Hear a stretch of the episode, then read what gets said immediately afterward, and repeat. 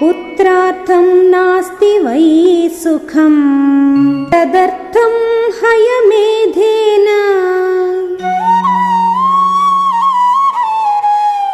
यक्ष्यामीति मतिर्ममा